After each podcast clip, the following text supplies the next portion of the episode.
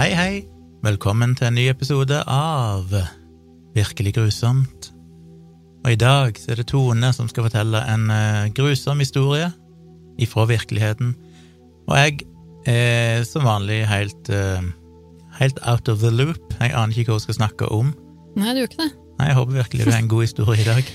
Ja, jeg, jeg vet ikke om den er så Den er sikkert ikke den grusomste historien vi har hatt, men jeg syns likevel den er ganske interessant. Um, og ja, så i dag er det altså min tur. Jeg skal fortelle deg en historie, en virkelig historie.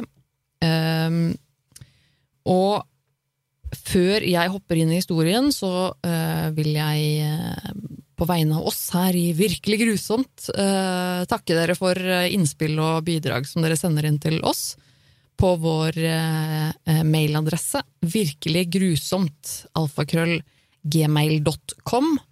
Der er det altså veldig hjertelig velkomment med både bidrag og tips, og kanskje dere har svar på gåtene vi snakker om. Hva det skulle være. Det er i hvert fall kult å høre fra dere. Det er det. Og jeg gleder meg allerede til neste gang. Jeg vet allerede hva jeg skal snakke om. Jeg gleder meg allerede til neste gang, for jeg aner ikke hva du skal snakke om. Nei, jeg har ikke researcha det veldig gjennom, men det er en historie jeg gleder meg til å fortelle, så Oi, oi, tune inn gjennom ei uke. Vi er jo her hver uke med ny episode. Oi, oi, oi. Ok, vi, vi tar min først, da. Kan jeg bare si før vi begynner, takk for hyggelige kommentarer. Det er kommet en del hyggelige kommentarer inn på iTunes. Mange som har gitt dere fem stjerner, det setter vi veldig pris på. Ja, det er kult. Hvis du liker denne podkasten, så setter vi pris på om du gjør det, inn på iTunes eller Apple Podcast, eller hvor du måtte ønske å gjøre det. Ja, og det har også vært en del øh, folk som har delt øh, i stories på Instagram og sånn. Mhm. Så har de delt øh, bilder av episoder og oppfordret andre til å høre på og sånne ting som det er også veldig kult. Det er veldig kult. Vi har akkurat starta opp dette lille podkast-prosjektet vårt, så det er veldig kult med alle delinger og alle gratis PR vi kan få, er, er bra. Men ja, eh, vi, skal hoppe inn i saken her, holdt jeg på å si. Jeg skal gjøre så godt jeg kan i å fortelle her eh, om dette lille mysteriet, da. Hvorfor heter året Mina? Vi er i 2015. Hei, en fersk og god historie. Ja, det er ikke så veldig lenge siden dette skjedde. Det er januar 2015. Eh, 28-årige Nara Peich Peich. Litt sånn vanskelig å vite hvordan jeg uttaler det navnet. Hvor er man i verden? ja, jeg, kommer, jeg kommer til det. Uh, I want the facts now. Slapp av nå. Uh, Nara Peich er på reise gjennom Øst-Asia. Hjemme i Canada, altså han er kanadisk En mann? Trodde det var damenavn. Å nei, det er en mann. Han heter Nara. Han, eh, han heter Nara Peich. Han, er, eh, han har noe asiatisk eh, opphav. Foreldrene hans er fra et land i Asia. Jeg er faktisk litt usikker på hvilket land det var, men det er helt irrelevant, så spiller ingen rolle. Hjemme i Canada har han familie og en kjæreste som han er forlovet med. Og planen er at de skal gifte seg året etter. Og Nara griper da derfor sjansen til å reise på en lang tur med et par venner før han skal eh, slå seg til ro og gifte seg og eventuelt få barn og sånn, da, vet du, i, i Canada etter hvert. Siste sprell, altså. Ja, litt sånn siste sprell, og visstnok så var dette noe han hadde hatt lyst til veldig lenge og gledet seg veldig lenge til. Det var også en reise som var planlagt over lang tid, da. Han og disse to vennene hans da, som skulle ta en, eh, en liten eh, heisa meg rundt-reise i Sørøst-Asia. Mm. Dessverre skal aldri Nara komme hjem igjen fra den reisen. Nei, det ante meg. Den 22. januar 2015, etter en uke på reise, ringer Nara hjem fra Watai flyplass i Laos.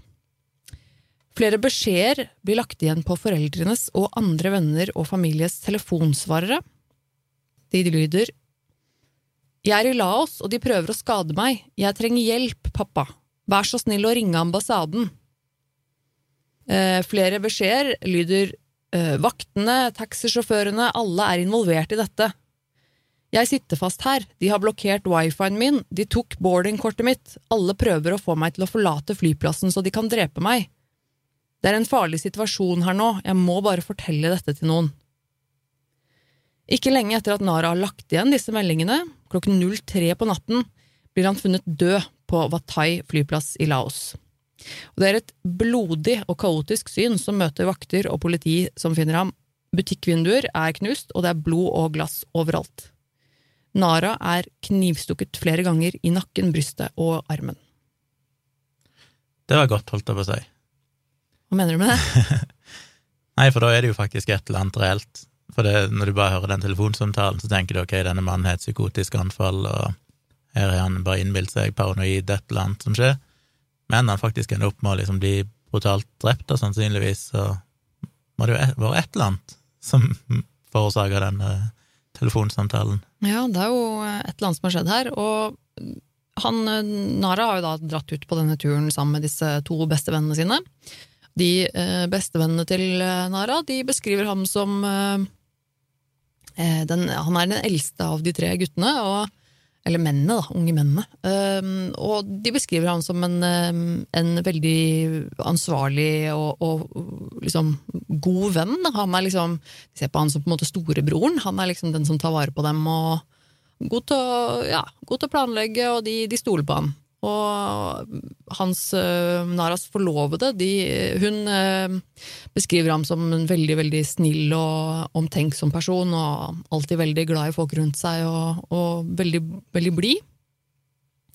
Så de, um, de, drar da ut på den reisen, og det begynner i Thailand. Hvor de, også, de, ja, de er i Thailand i noen dager, og så drar de til Kambodsja.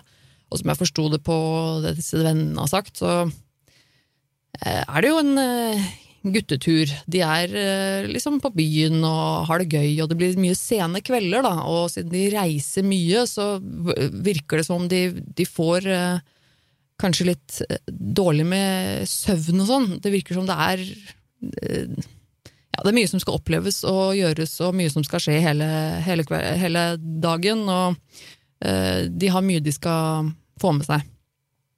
Så eh, de gir litt inntrykk av at, eh, at nok Nara og de gutta blir, litt eh, har litt mangel på søvn, kanskje. Det er kanskje ikke søvn som blir mest prioritert på, på disse, denne turen.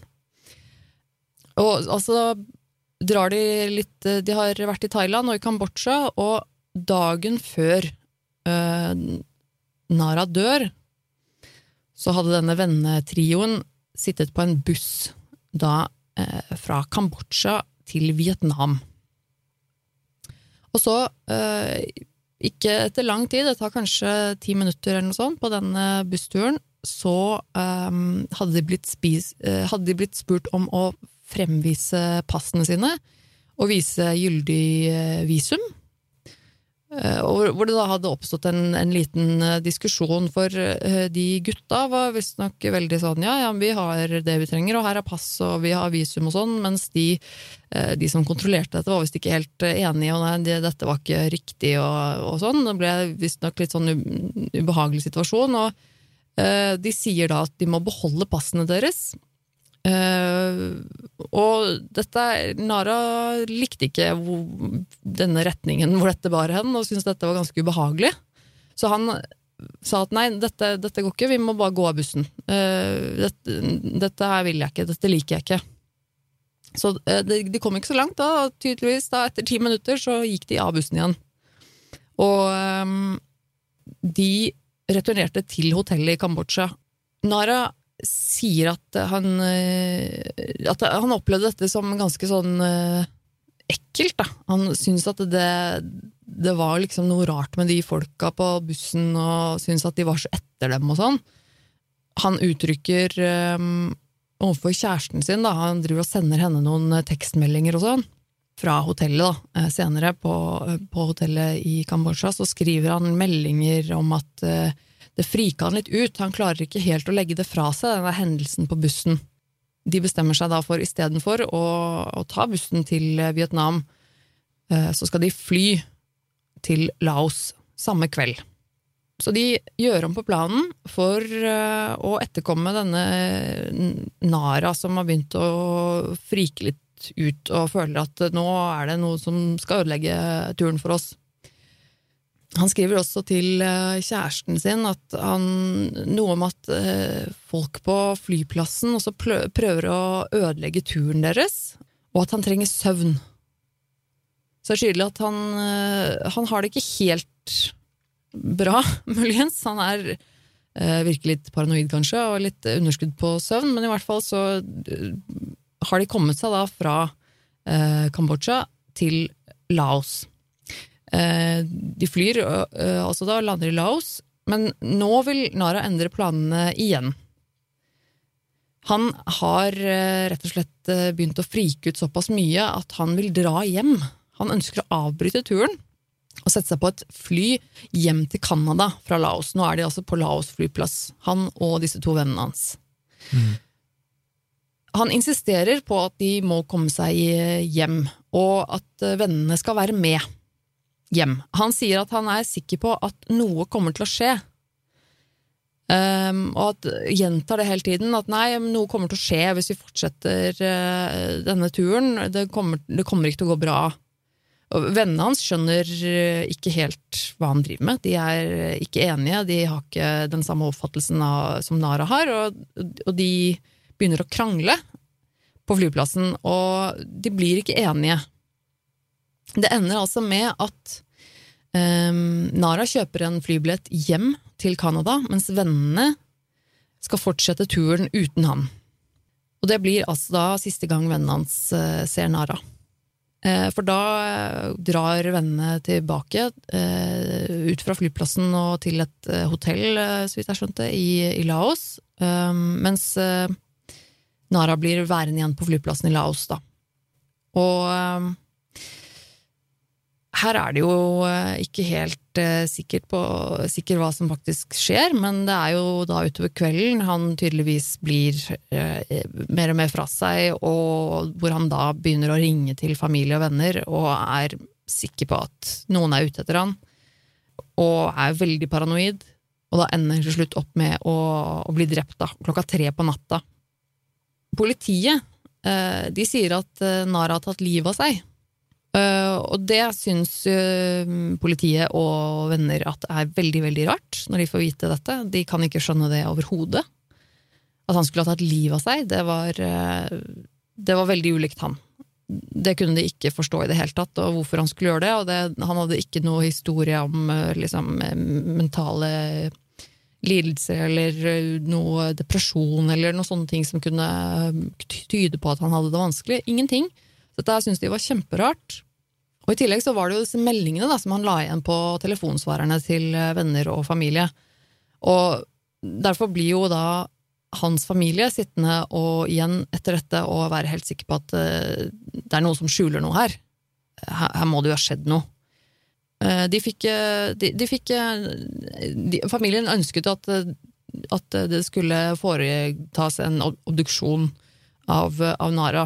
Men de ville ikke at myndighetene i Laos skulle gjøre det, så de, de fikk da kroppen sendt til Thailand for å få en, en nøytral eh, obduksjon da, av, av, kroppen.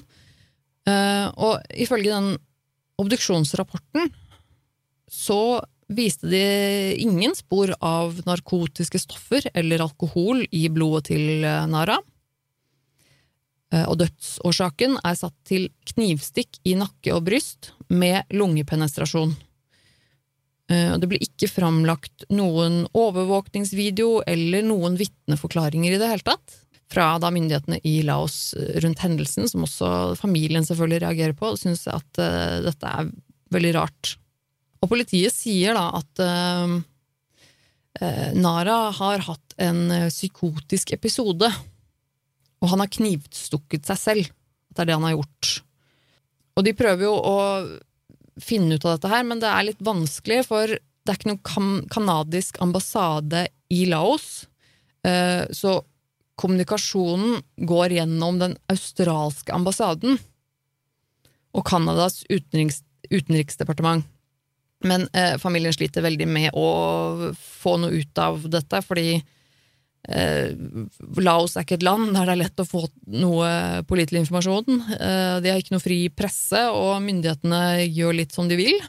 Så, eh, men, men, eh, de finner til slutt Det blir mye sånn masing og frem og tilbake, og familien eh, jobber hardt med dette her over lengre tid med å prøve å finne ut av dette. Og etter hvert så får de vite at den australske ambassaden de hadde visst fått tilgang til å se eh, en del av overvåkningsvideoen. Ja, for det var det jeg lurte på, for hva var det egentlig han ble funnet? Han ringte fra flyplassen, men hvor gikk han etter det? Ja, det glemte jeg å si, for han, han ble funnet på flyplassen. Ja. Eh, For da den australske ambassaden eh, de hadde fått tilgang til å se litt av overvåkningsvideoen fra flyplassen her, da. De sier da at de ser på overvåkningsvideoen at det er um, at Nara er uh, han, opp, han er på flyplassen, og han oppfører seg veldig hissig og aggressivt. Han har uh, knust noen montre og noen butikkvinduer med en stol og et brannslukningsapparat og eh, oppfører seg tydeligvis veldig utagerende. Men de hadde visst ikke klart å eh, konkludere ut ifra det de så i videoen, hva som har skjedd etter det. Og de sier også at de fikk ikke se hele videoen, altså at det var deler av videoen som var slettet eller tatt ut Mm. eh, der. Så, så de fikk bare tilgang til å se liksom, akkurat tydeligvis det som skjedde før han døde, da, kan det virke som, ehm, på, på åstedet der.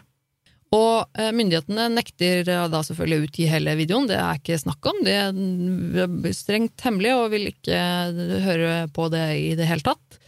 Um, Det høres veldig shady ut. det gjør jo det. Um, det fins bilder fra, fra åstedet.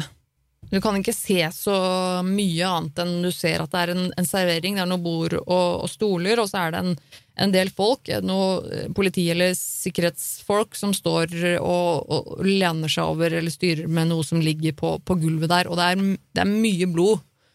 Det er, det er påfallende mye blod. Det er griset på en måte utover gulvet overalt. og Veldig Veldig spesielt. Og så fikk de, familien fikk en blodsprutekspert, eller hva man kan kalle det, eh, til å se på de bildene, og han sier at eh, han syns det her er kjemperart, at dette skal være en person som tar livet av seg, som har klart å sprute så mye overalt, og eh, klarer ikke helt å få det til å stemme, og setter nå litt spørsmålstegn med, med det at han skal tatt livet av seg, og sier at det her ligner mer på en person som har blitt angrepet, at her har det vært en, en angrepssituasjon. Sammen med en ekspert som så på bildene etter eh, obduksjonen, altså bildene av selve kroppen etter at han var død, da. Mm. Som også, på, ifølge de bildene av sårene, av, kn av knivstikksårene og så videre, og på armen og sånn, så virker det som om han at dette er rart, om det er noe han har påført seg selv. Hvis han drev og venta på et fly tilbake til Canada, han hadde kanskje ikke gått forbi sikkerhetskontrollen. Jeg vet du om det var på innsida eller utsida av sikkerhetskontrollen. Jeg tror det var på innsida. Jeg bare lurer på hvordan får du med deg en kniv inn der? Hvis det var hans egen kniv, liksom. Så Ja, det er ikke Finner ikke noe info om det. Om, eh, og, og familien har også stilt spørsmålstegn ved denne kniven, da, fordi at hvis han skal ha drept seg selv, så må det jo finnes fingeravtrykk fra han på en kniv. Mm. Men det er det ikke noe info om i det hele tatt. Familien skjønner, får ikke noe sånne type beviser i det hele tatt. Og det er egentlig helt umulig å få noen konkrete bevis ut fra myndighetene. De vil ikke si noe mer. Myndighetene, politiet i Laos, de står på sitt og sier at nei, han, han ble gæren. Han fikk et eh, mentalt sammenbrudd, han, og så bare tok han livet av seg. Og det er jo mange ikke, Det er ikke sikkert hva som har skjedd. Vi har faktisk fortsatt ikke noe ordentlig godt svar på det. Nei, jeg skjønner jo at de sier det, for med tanke på at overvåkingsvideoer viser at han går bananas og begynner å knuse vinduer og kaste brannslagsapparat og sånn. Hvis det da ikke er noen andre på det bildet der, så er det jo allikevel påfallende hvorfor gjør han det? Kjemper han mot usynlige fiender, eller Det høres ut som et psykotisk anfall. Det er jo, samtidig så er det merkelig at ikke de vil frigjøre resten, som kan tyde på Jeg mener, det er jo en flyplass, jeg skulle tro at det var ganske god security. Så hvis noen begynner å knuse vinduer og sånne ting, så regner jeg med at det kommer folk ganske fort og prøver å stoppe vedkommende. Og at det kan ha skjedd noe der, og at ikke de vil vise det. Men allikevel så har han jo av en eller annen grunn begynt å knuse ting og ødelegge ting, som jo ikke er normalt å gjøre, bare sånn hvis du er helt frisk og rask i toppen. Ja, og så er det jo disse meldingene og, og utfallene hans, da, som, hvor han på en måte forteller familie om at nei, men det er noen som er etter meg, og han var veldig paranoid, da, og virka veldig redd og sa at liksom, nå er det noen som ødelegger turen, det er noen som er ute etter å drepe meg, de prøver å få meg til å forlate flyplassen for å drepe meg. Og var uh, overbevist, ifølge det han sa på disse meldingene, da, om at liksom, alle var med på det. Og han sa at uh, vakter og taxisjåfører, alle var liksom, Dette var et plott for at de skulle drepe han, da. Så han var jo mm. veldig paranoid. Og Det høres jo usannsynlig ut uansett. Om det var noen som vet han, så er det veldig rart vi skal være både taxisjåfører og liksom ja, alle mulige slags folk. Ja, det høres veldig rart ut. Uh, og så er det jo samtidig den, det aspektet med den videoen og manglende bevis på hva som faktisk har skjedd og sånn, uh, som gjør at dette her er litt sånn rart.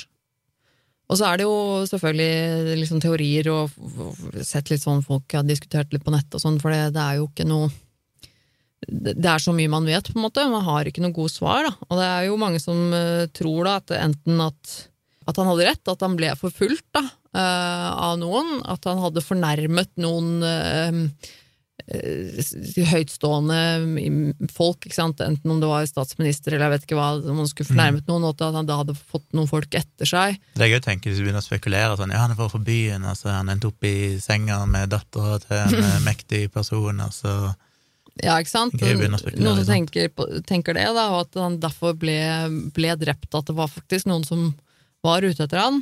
Eh, andre snakket om at eh, han, eh, at han ja, at han faktisk fikk et mentalt sammenbrudd da, og tok livet av seg. At det er mulig at han faktisk bare var så, så sliten og så ute av seg eh, at han faktisk tok livet av seg. Jeg mener, altså han, Selv om han ikke hadde noe historie med med psykiske plager, så er det jo noe som kan skje den beste av oss. Det å være i en situasjon hvor det er eh, en annen kultur, eh, en, og det andre altså type mat og drikke og de tingene der, da. Men også mye alkohol, for eksempel, og lite søvn, og eh, andre språk, for eksempel, som man kanskje ikke forstår så godt, som kan gjøre at man blir litt eh, paranoid eller eh, sånne ting. Og så er det noen som snakker om at ja, men selv om eh, selv om blodprøvene viste at det ikke var noe uh, ulovlige narkotiske stoffer, så kan det han ha fått i seg noe annet. Da.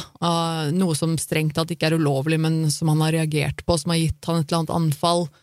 Et eller annet han ikke tålte, da. Nei, Jeg vet ikke hvor lenge de kan påvise, sånt, men hvis den obduksjonen ble tross alt gjort i Thailand, det må jo ha gått kanskje noen dager. Jeg husker ikke akkurat hvor lang tid det tok, men det gikk jo sikkert noen dager. Jeg vet jo at det forsvinner jo, så det er jo enkelte stoffer jeg vil anta du ikke kan påvise etter noen dager. Ja, og så er det jo noen som snakker om eh, det, altså, det faktum at de ikke tester for absolutt alt heller. Ja. De tester som regel eh, blodet for eh, en viss type narkotiske eller ulovlige stoffer, men de tester ikke nødvendigvis for alle ting som kan ha gitt han et anfall eller altså reaksjon da, på et, noe han har fått i seg på et eller annet vis. Eh, som, eh, og det kan jo være så mangt. Det jo, kan være et legemiddel, eller det kan være ja, hva som helst. Mm. Um, eller den eh, teorien, da, som, som, jeg har lest, som jeg tenker at jeg nok kanskje tror mest på, som jeg syns virker mest sannsynlig, det er at eh, han fikk et slags mentalt sammenbrudd. At det var noe som skjedde i hodet hans. Grunnen til det kan jo være så mangt, men eh, at han da plutselig eh, fikk et eller annet sammenbrudd, og at når politiet eller de vaktene kom for å liksom stanse han, eller eh, for å, for å holde han, da, at de kan ha drept han i det sammenstøtet. Eh, og at de da nekter å gi ut den videoen fordi at de kanskje ikke håndterte den situasjonen så veldig bra. At hvis han da for eksempel har blitt psykotisk og fått et anfall og, og blitt voldelig, og de kommer da i en gruppe mennesker med vakter som skal prøve å stoppe han, og så har de kanskje kniv eller et eller annet, jeg vet ikke, eh, og så får de ikke han til å roe seg ned, og han er rett og slett altså psykotisk, da, hvis han hallusinerer eller er ja, veldig forstyrra på den måten, eh, så kanskje ikke de klarer å få han til å roe seg ned, og så blir det til at de rett og slett bare stikker han ned, eller et eller annet. Da. At de mm. takler den situasjonen på en sånn måte som gjør at han rett og slett dør, og at de da vil skjule det etterpå. ah, fordi at de strengt tatt kanskje ikke hadde lov til å drepe han, på en måte.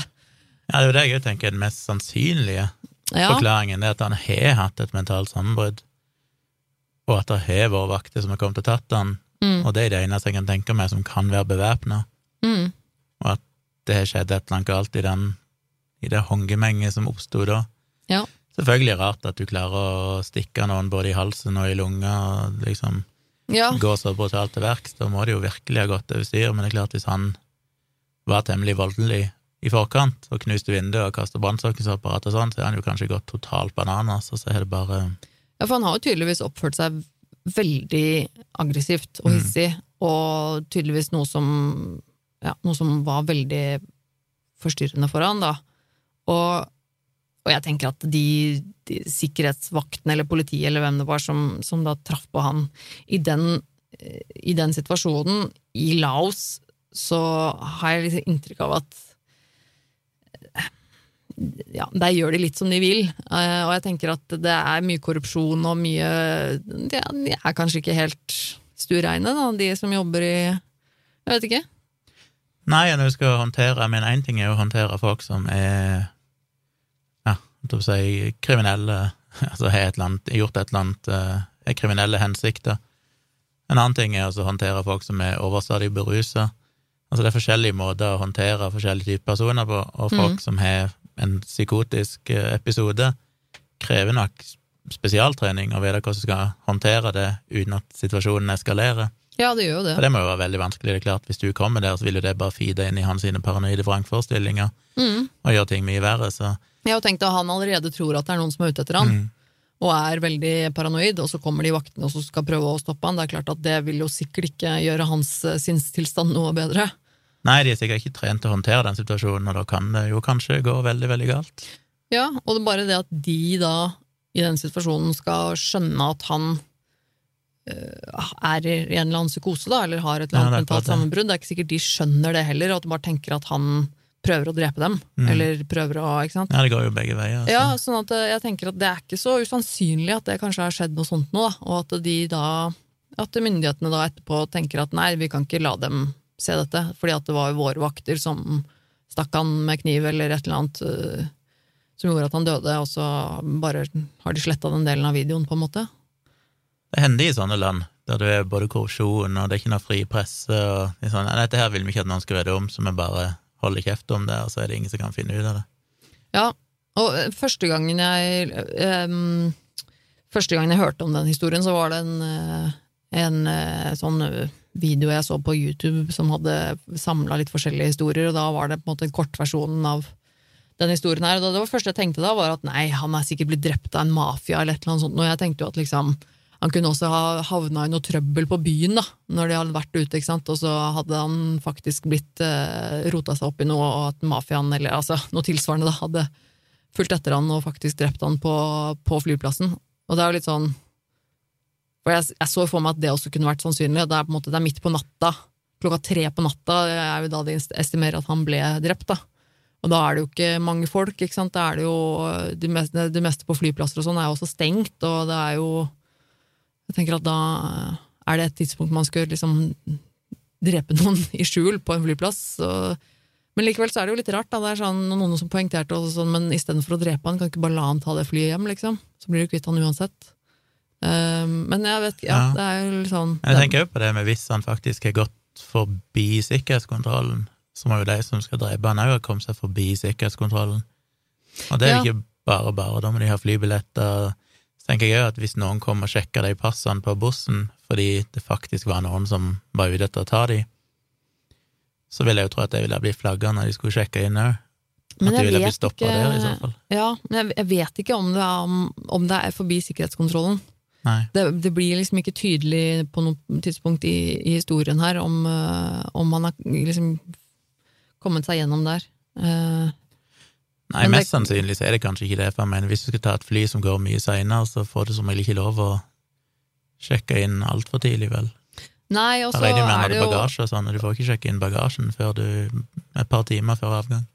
Ja, og så står han jo og krangler med vennene sine, og de skiller jo lag på denne flyplassen. Og eh, jeg regner jo med at det, det virker jo som om det skjer før de på en måte har kommet så langt i reiseplanene. De, så, så snart de lander på flyplassen i Laos, så virker det som om han Nara er ganske bestemt på at nei, nå, nå må vi hjem.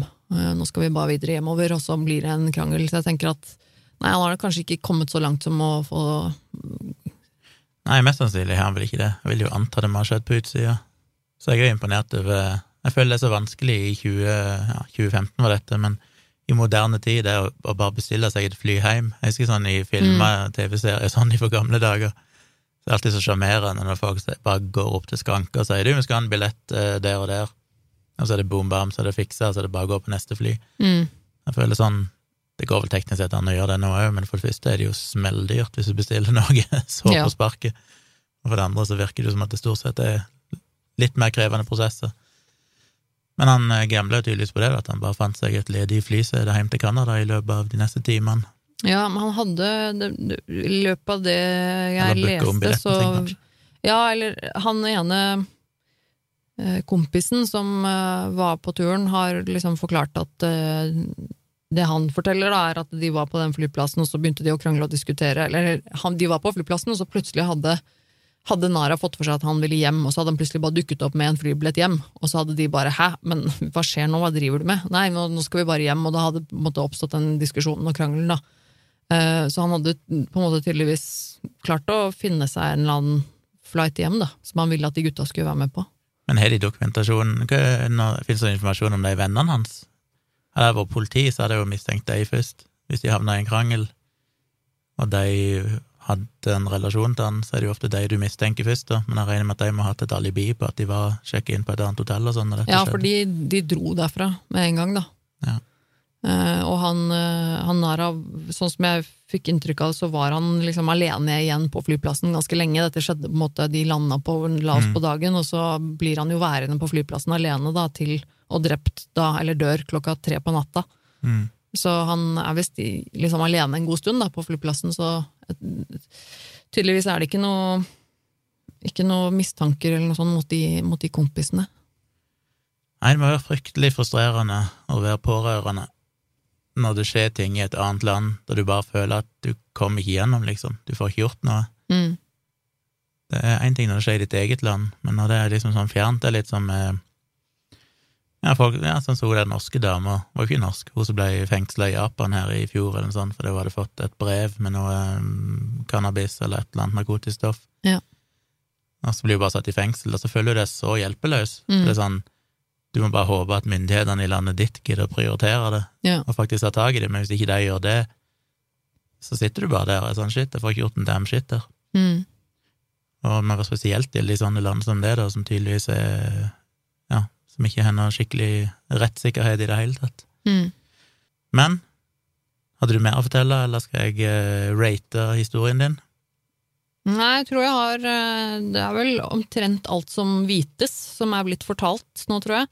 Det er også litt Jeg skal selvfølgelig lenke til, eh, lenke til dette på, i shownotes, i notatene, da, på podkast-episoden her. Overvåkingskameragreiene, de frigjort, eller er det kun Nei, det politiet som har sett det? Eh, Det er ingen som har sett det, det fins ikke å få tak i. Men eh, det er et par videoer fra, som jeg linker til fra YouTube, hvor du kan både høre opptakene av eh, hans meldinger til familien, Mm. det kan du få høre der, og, og en del av de bildene også, eh, fra åsted og, og sånne ting, er også en del av de dokumentarene der, så man kan på en måte få se litt mer av hva det dreier seg om. Mm. Ja, jeg eh, Jeg skjønner jo at denne historien kanskje ikke er det mest grusomme, som sagt, men jeg syns likevel det er en ganske sånn mystisk, mystisk historie som er verdt å få med seg. Ja, for vi har snakka litt om det da vi drev på med denne podkasten. Vi kaller den jo for virkelig grusomt. Men eh, det, vi har jo blitt tipsa om historier òg som er veldig grusomme. Men det er alltid litt vanskelig å vite er, er det noe å fortelle her, enten å bare sitte og ramse opp grusomme ting som har skjedd med en person, og hvor interessant er det. Mm. Eh, Det kan godt være vi gjør det òg, men i Ja. utgangspunktet syns jeg det, det er mer interessant med ting som er litt sånn mystiske, der du kanskje ikke vet hva som egentlig skjedde, og ubesvarte spørsmål og uh, ja. Så det Ja. blir en balanse av det. Denne her havner jo inn i Kanskje vi burde hatt to skala. Vi burde hatt en sånn grusomhetsskala og en uh, mystisk skala. ja. så rater for begge, for det blir liksom Ja. Nei, på grusomhetsskalaen så tenker jeg på en måte at det ikke er mer enn Jeg mener, en person ble jo drept. Han kan potensielt ha tatt livet av seg.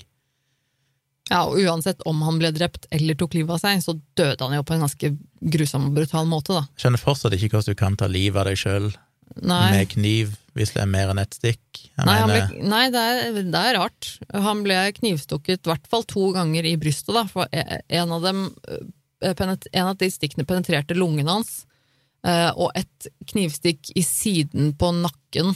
Mm. Og så hadde han noe eh, lange, lange sånne kutt nedover den ene armen og sånn. Uh, så ja, så tenker jo umiddelbart at det, det, da er du skikkelig desperat hvis du gjør det der mot deg sjøl, men Ja, det høres merkelig ut, men jeg mener mennesker har jo gjort rare, ja, merkeligere ting enn det. ja. Nei, så jeg tenker jo, jeg vet ikke, på grusomhetsskalaen så, ser jeg, så tenker vel jeg at det er Skal vi se, hva var det jeg fortalte om sist?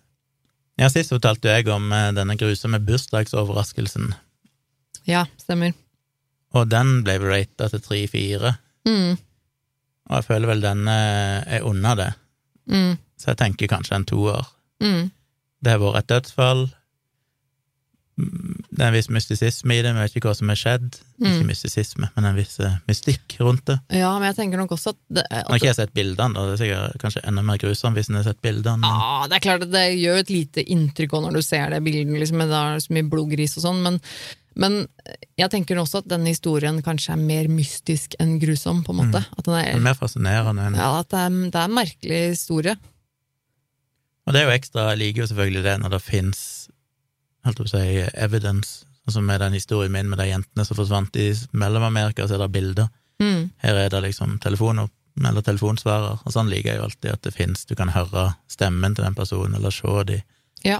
Skulle bare ønsker de overvåkingsbildene, overvåkingsvideoene var frigjort. Ja, de, de, er dessverre ikke det, ass. Men eh, det er mye andre opptak eh, som de gutta filmet på den eh, reisen sin, da. Og ja intervjuer som er gjort med familie, og de, i hvert fall han ene av de vennene som var på turen, og sånn, som eh, er i den ene av de videoene jeg linker til eh, her i podkast-episoden. Ja. Så Nei, så jeg konkluderer med en toer. Ja. Men en interessant, eh, fascinerende historie, så kan jo folk sjøl sjekke ut linkene, og hvis dere har noe mer informasjon når dere vet som ikke er blitt nevnt, så er det jo bare å sende dere en mail på virkeliggrusomt.gmail.com. Ja, gjerne det. Og nå gleder jeg meg veldig til neste uke. Da er det din tur, Gunnar. Det blir spennende å høre hva du skal fortelle. Og helt til slutt så har vi en eh, liten overraskelse, litt sånn spontan. Vi har oppretta ei Facebook-side som du finner på facebook.com slash virkelig grusomt i ett ord. Eh, eller du kan bare gå inn på Facebook og søke på Virkelig grusomt, så finner du den. Hvis du går inn der og følger den sida, som jeg håper at du gjør, så tenkte vi faktisk at vi skulle livestreame neste innspilling. Så søndag 7. februar klokka åtte på kvelden så kommer vi altså til å livestreame innspilling av neste episode. Den eh, blir òg liggende ute på Facebook-sida, så det går an å se den seinere hvis ikke dere kan se det live. Men hvis dere ser live, så kan dere delta i chat, og vi kan ta en liten prat etter innspillinga er ferdig. Vi håper dere joiner oss. Det er alltid gøy å ha noen som vil være med oss eh, og støtte oss live. I tillegg så blir jo den episoden vi spiller inn neste søndag, eh, live altså, den blir jo gitt ut som en vanlig podkastepisode, så hvis du vil høre det som podkast, så dukker den opp i løpet av mandagen, som vanlig.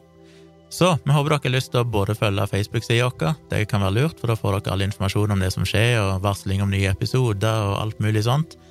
Og i tillegg så får dere med dere livestreamen når den går. Så tips gjerne andre om at det går an å følge Facebook-sida. Tips andre om at vi kommer til å kjøre en livestream neste søndag, altså søndag 7. februar. Og vi deler mer informasjon om det etter hvert som vi har planlagt det.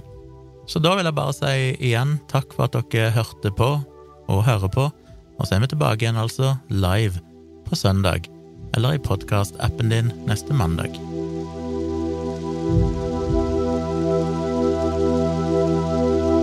you